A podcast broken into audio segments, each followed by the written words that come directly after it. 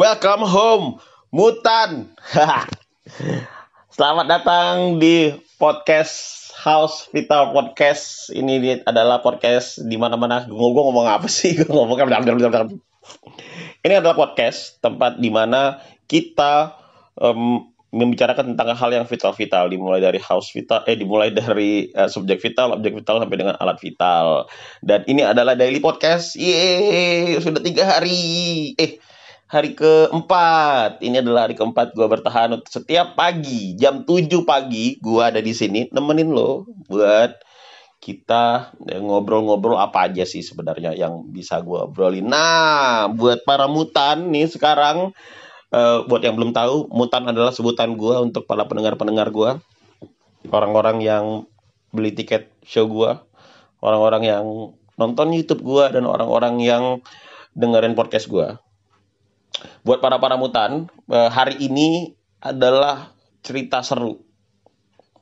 Gue pengen cerita sama lu ke mungkin sebagian banyak yang tahu selain dokter gue adalah seorang magician, seorang pesulap, orang yang mencintai seni sulap dengan hal yang uh, luar biasa menurut gue. Nah, kenapa? Kenapa gue menyukai sulap?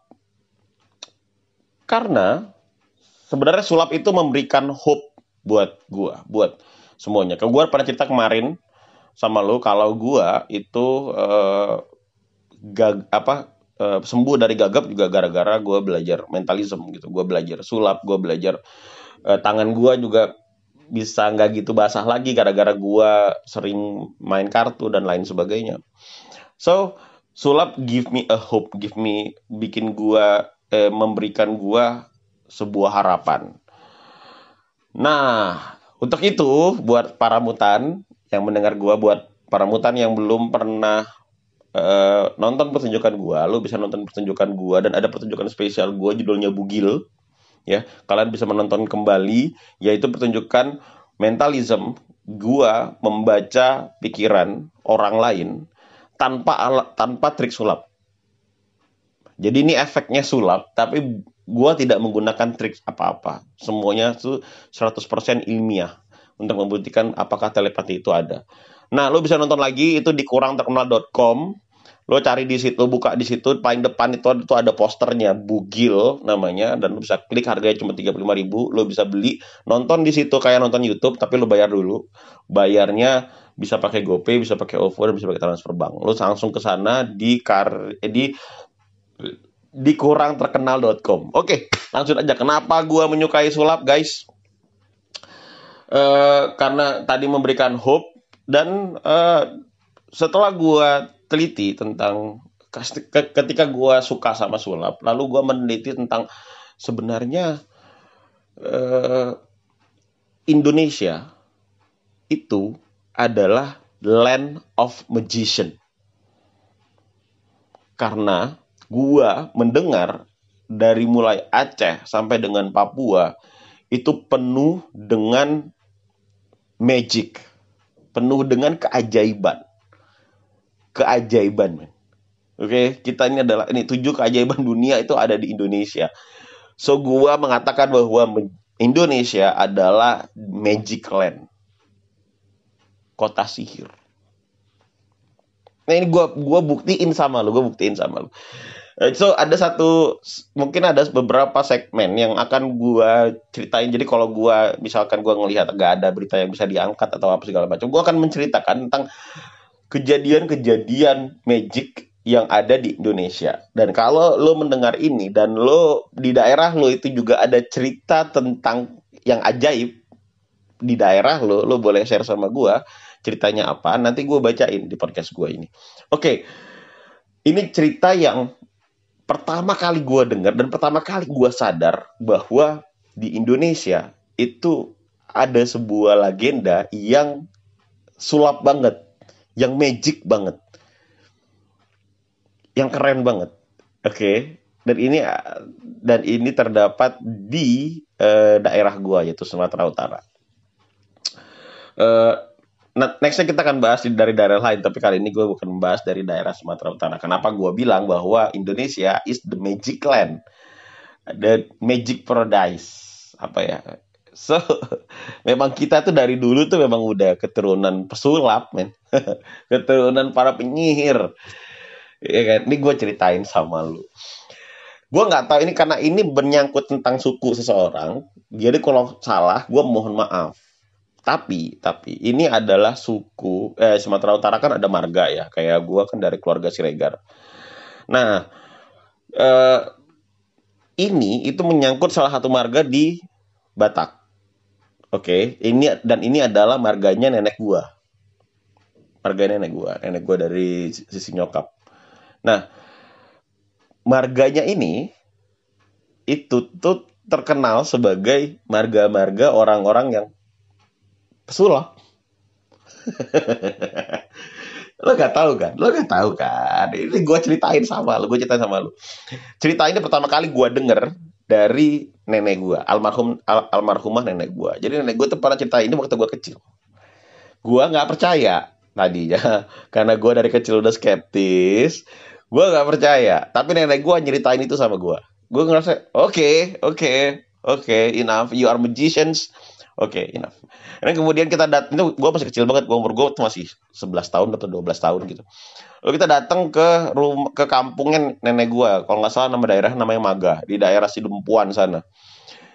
Itu saudaranya nenek gue itu kan itu itu kan uh, satu marga semua tuh. Saudara nenek gue tuh nyeritain hal yang sama lagi tentang asal muasal nenek uh, marga itu. Jadi ceritanya tuh kesannya kayak legenda, kayak dongeng gitu. Tapi uh, gue mikir kayak, oh, oke, okay. so it's not real man, it's not real. Oke, okay. nah uh, back then, maksudnya setelah gua udah gede dan gua nggak sengaja ngebaca karena gua suka baca situs-situs Batak gitu kalau gua lagi kangen sama sama kampung. Gua baca dan ternyata cerita itu muncul lagi. Gua nggak tahu apakah ini legenda, apakah ini memang karangan orang. Gua nggak tahu, but nenek gua nyeritain itu. Saudara dan di kampung nyeritain itu juga. Persis sama. Uh, sehingga gua, dan gue baca di artikel juga persis begitu. Nah, detailnya gue dapat dari artikel tapi jalan cerita dan sebagian detail yang masih gue inget itu sama seperti apa yang nenek gue puluhan tahun yang lalu nyeritain ke gue. Nah gue akan ceritain sekarang sama lu bahwa di dulu di zaman kerajaan ini ada sebuah uh, di di nama nama daerahnya eh, di daerah Mandailing sana ya Mandailing lo bisa googling namanya daerah Mandailing itu di daerah Sungai Batang Gadis jadi lo boleh googling sekarang Sungai Batang Gadis, Mandailing, Sumatera Utara. Oke, okay? itu dia daerah selatan Sumatera Utara. Jadi uh, udah deket sama perbatasan Riau. Daerahnya tuh sekitar di situ. Itu kampung kampungnya uh, nyokap gue juga di situ. Kampungnya bokap juga di situ. Oke, okay? nah kerajaan ini dikenal dengan nama Huta Bargot. Oke, okay? dan dia punya raja rajanya namanya adalah Sultan Pulungan. Oke, jadi marganya adalah Sultan Pulungan. Bukan Sultan, tapi Sultan Pulungan. Ya, Sultan itu kayak sebutan raja gitulah di zaman dulu. Sultan Pulungan, dia adalah seorang raja dari eh, kerajaan namanya Huta Bargot. Oke, nah dia itu punya permasuri dan dia punya seorang anak.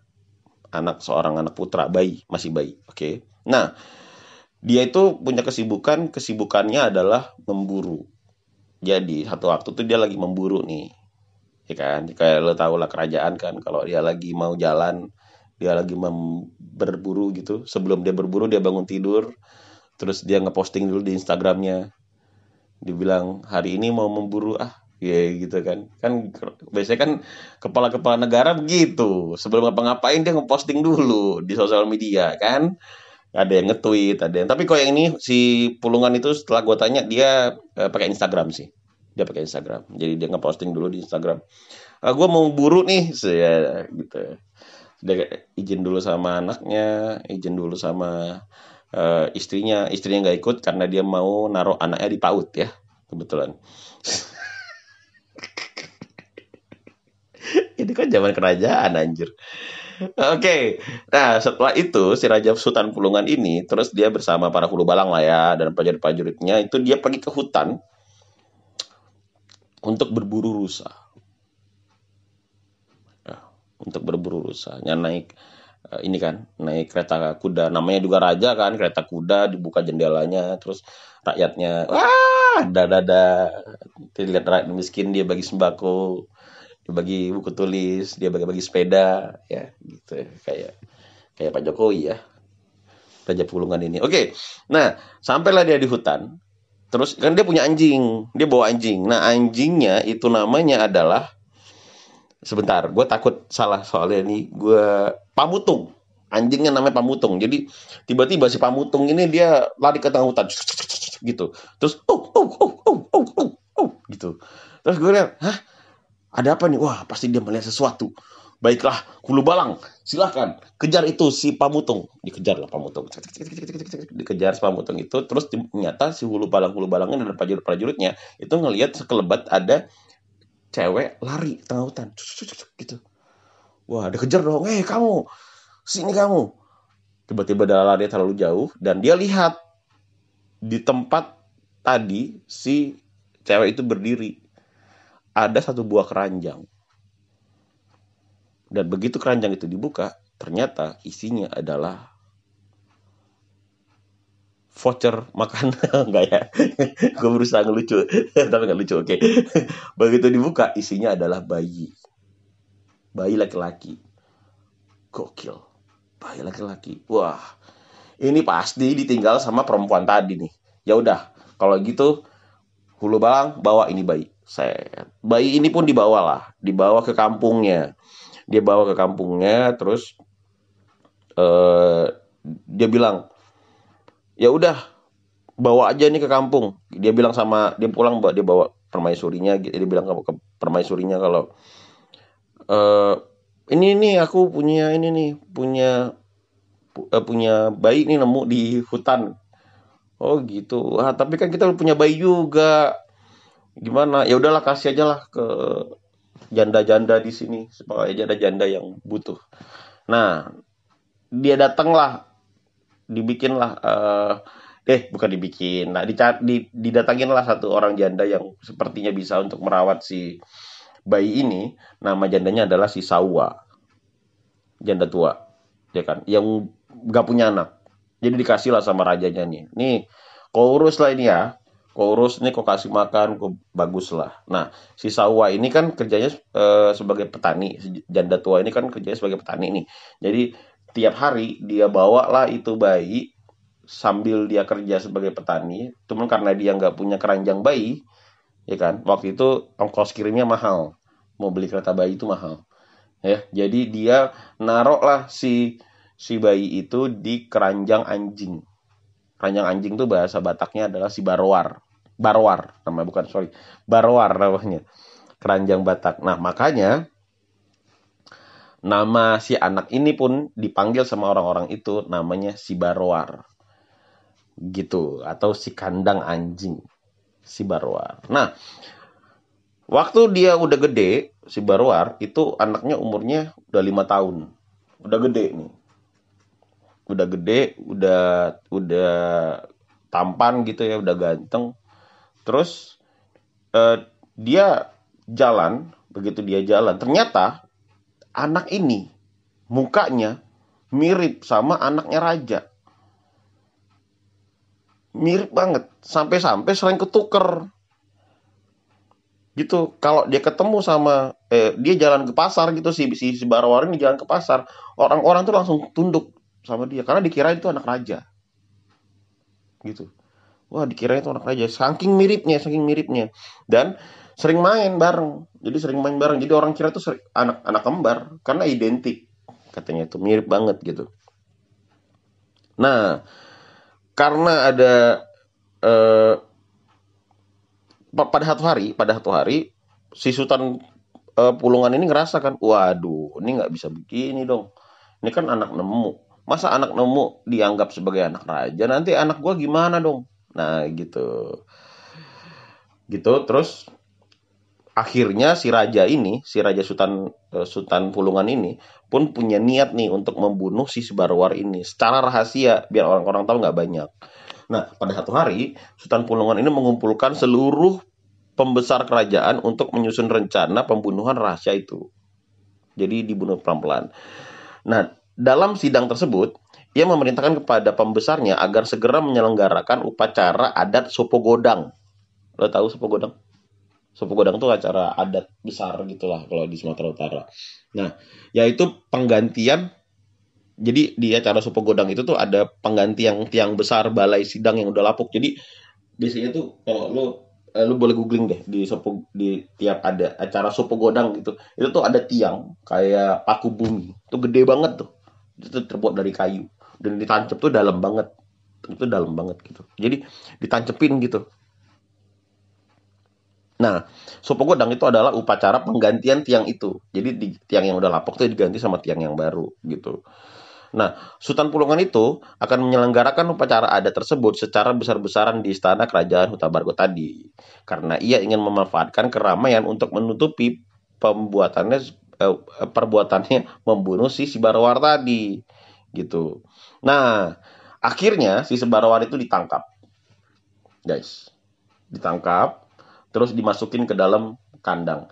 Cuman kan kadang kita nggak tahu ya eh, yang mana ini si Barwar karena mirip sama anak raja. Supaya dia tidak tertukar, jadi sisi barwarnya itu dikasih tanda merah di jidatnya. Oke, tanda merah di jidatnya terus dimasukin lah dia ke dalam satu tempat. Ke dalam ke dalam bentar bentar bentar. Gue takut salah nih. Eh, kayaknya dia dimasukin langsung ke dalam lubang.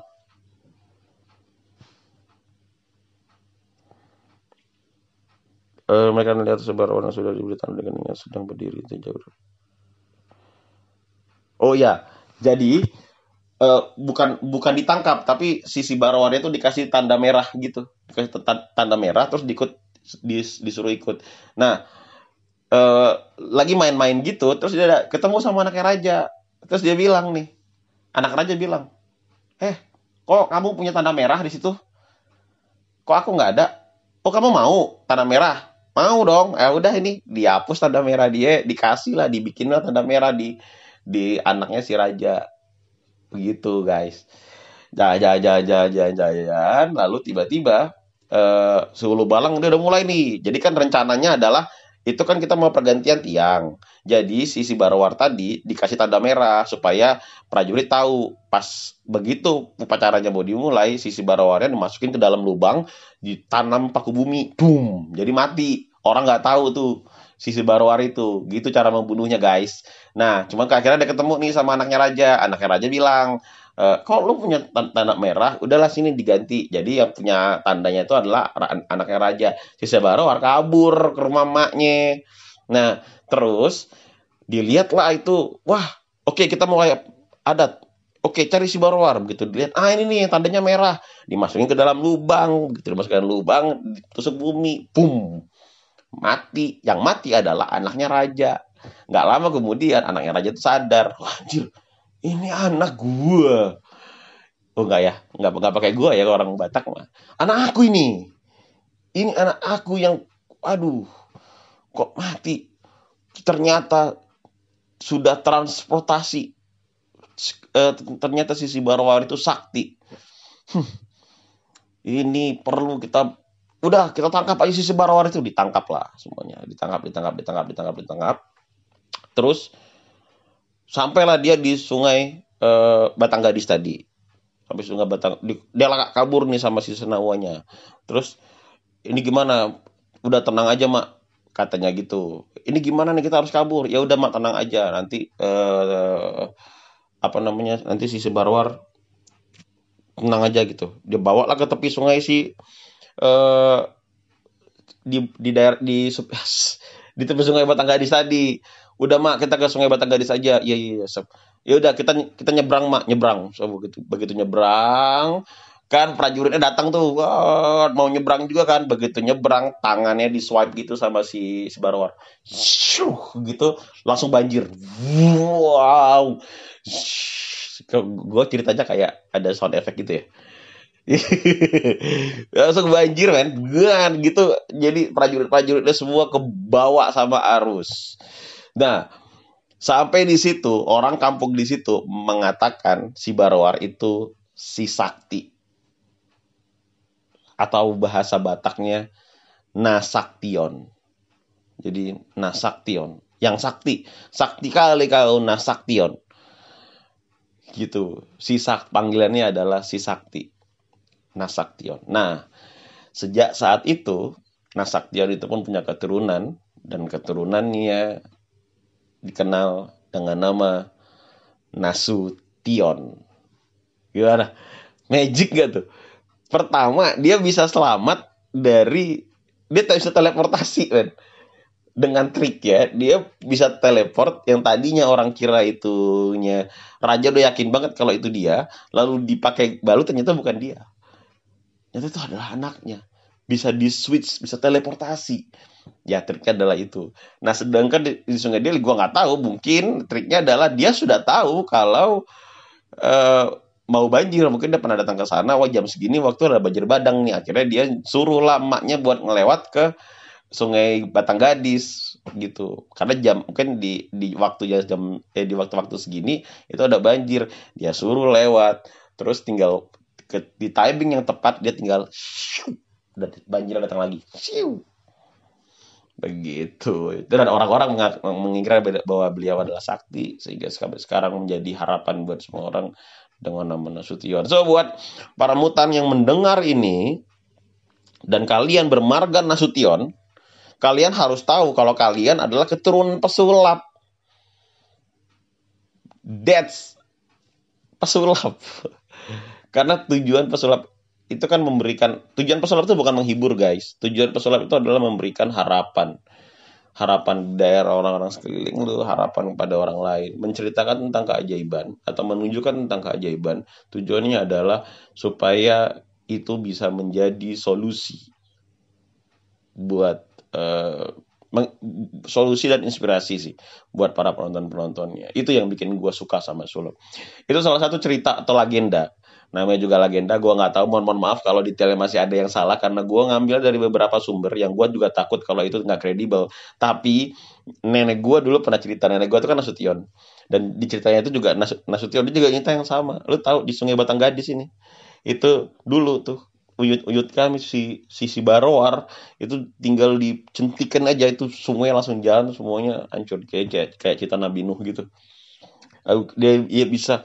Jadi kalau saudara nenek gue tuh cerita lebih ekstrim lagi. Jadi ceritanya kayak anak raja dulu sisi barwar ini udah dimasukkan ke dalam lubang. Lalu begitu pas mau dibunuh tiba-tiba bisa berganti sama sama anak raja. Dengan cerita yang lebih masuk akal yang gue baca dari artikel yaitu ketika dia mau sebelum dibunuh dia ketemu sama anak raja. Anak rajanya iri. Kok dia punya tanda merah? Kok gue nggak punya tanda merah? Mau ini kasih aja dipindahin tanda merahnya. Dia kabur pergi ke tempat emaknya ya anak karena karena mirip mereka jadi prajuritnya bilang ah ini nih si Barawar nih udah kita, kasih tanda warna merah. Dibawa padahal padahal padahal tuh anak raja. Di switching kalau bahasa sulapnya di switch.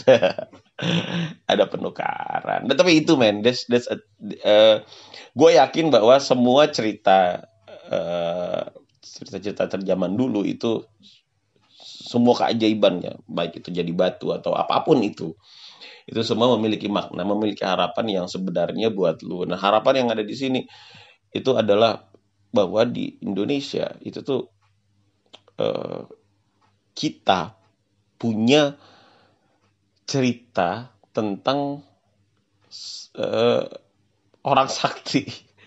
Dan itu udah ada dari dulu. Kita udah punya pesulap dari dulu kan. Uh, udah membekas di darah kita orang Indonesia bahwa kita punya kisah-kisah ajaib. Bukan horor ya. Kalau lo lihat tadi di Nasution tuh bukan horor Bukan cerita horor. Kan cerita horor tuh ada tuh ada kayak eh kalau lo nggak makan ini terus lo sakit, kalau lo nggak makan ini terus lo kena penyakit apa itu kan horor banget ya. Ini nggak horor lo. Nasution ini nggak horor lo. Nggak horor. Nah, apa nanti besok gua akan cerita lagi tentang patung si gali-gali. Ini ini juga di Tanah Toba. Ini juga nggak horor. Walaupun kalau dilihat anjir horor, iya, patung bisa gerak sendiri, bisa joget sendiri. tapi ceritanya tuh gak horor gua kasih gua ceritain besok kalau lu suka dan kalau di daerah lu tuh lu ada menemukan tentang cerita-cerita tentang uh, keajaiban-keajaiban dari daerah lu lo boleh DM gua di at dokter mutan atau kalau lo dengerin di YouTube lo boleh uh, komen di bawah ini cerita apa yang efeknya ajaib dari daerah lo. Oke, biar lo juga tahu daerah lo apa. Kita akan bahas satu-satu biar kita pengen buktiin kalau Indonesia adalah tanahnya para pesulap. Emang dari lahirnya dulu kakek buyut kita dari tanah ini itu adalah magician, man. Itu adalah pesulap. Apa pun itu ya mau uh, kalau kita menyampingkan tentang sihir apa segala macam ya menurut gua kita pesulap juga ngelakuin itu. Oke okay guys, itu adalah uh, podcast gua hari ini. Terima kasih sudah mendengar. Mudah-mudahan kita akan ketemu lagi besok di daily podcast gua. Dia mudah-mudahan ini meng menginspirasi lo di setiap pagi jadi kita nggak ngomongin tentang ngewe mulu ya. Kita ngomongin hal-hal lain juga. Thank you udah nonton. Terima kasih para mutan udah dengerin gua. Terima kasih udah mau share video ini para mutan. Terima kasih juga udah mau berengage dengan gua Men, sekarang ini gue kalau bikin podcast, gue gue bikin YouTube, gue udah nggak peduli lagi dengan subscriber, gue udah nggak peduli lagi. Makanya kalau lo perhatiin subscriber gue di YouTube gue tuh gue tutup, karena gue nggak peduli. Gue udah pernah gajian di YouTube gue pernah. Tapi kok sekarang kayaknya gue jadi ini YouTube nih kayak jadi ngikut sampah gitu. Jadi kayak ada yang trending gue komentarin ada yang capek men. Gue gue pikir ini ini adalah wadah tempat gue menyuarakan gue dan gue bisa mengajak orang lain kayak orang lain yang suaranya itu didengar tabu kayak lesbian kayak ya kayak anak muda yang yang kehidupan seksnya udah terlalu bebas. Kita harus dengar sudut pandang mereka supaya lu tahu kalau ini terjadi di negara kita ini terjadi di sebelah kita sebelah rumah lu dan lain sebagainya so it, itu tujuan gue bikin podcast makanya gue nggak peduli sama subscriber gue nggak peduli sama like gue nggak peduli men sama semuanya so tapi gue peduli sama lu gue peduli sama mutan So buat lo para mutan, gue ngucapin terima kasih banget. Mudah-mudahan ini bisa menginspirasi lo di pagi ini. This is Dr. Freno speaking. Welcome home, mutant.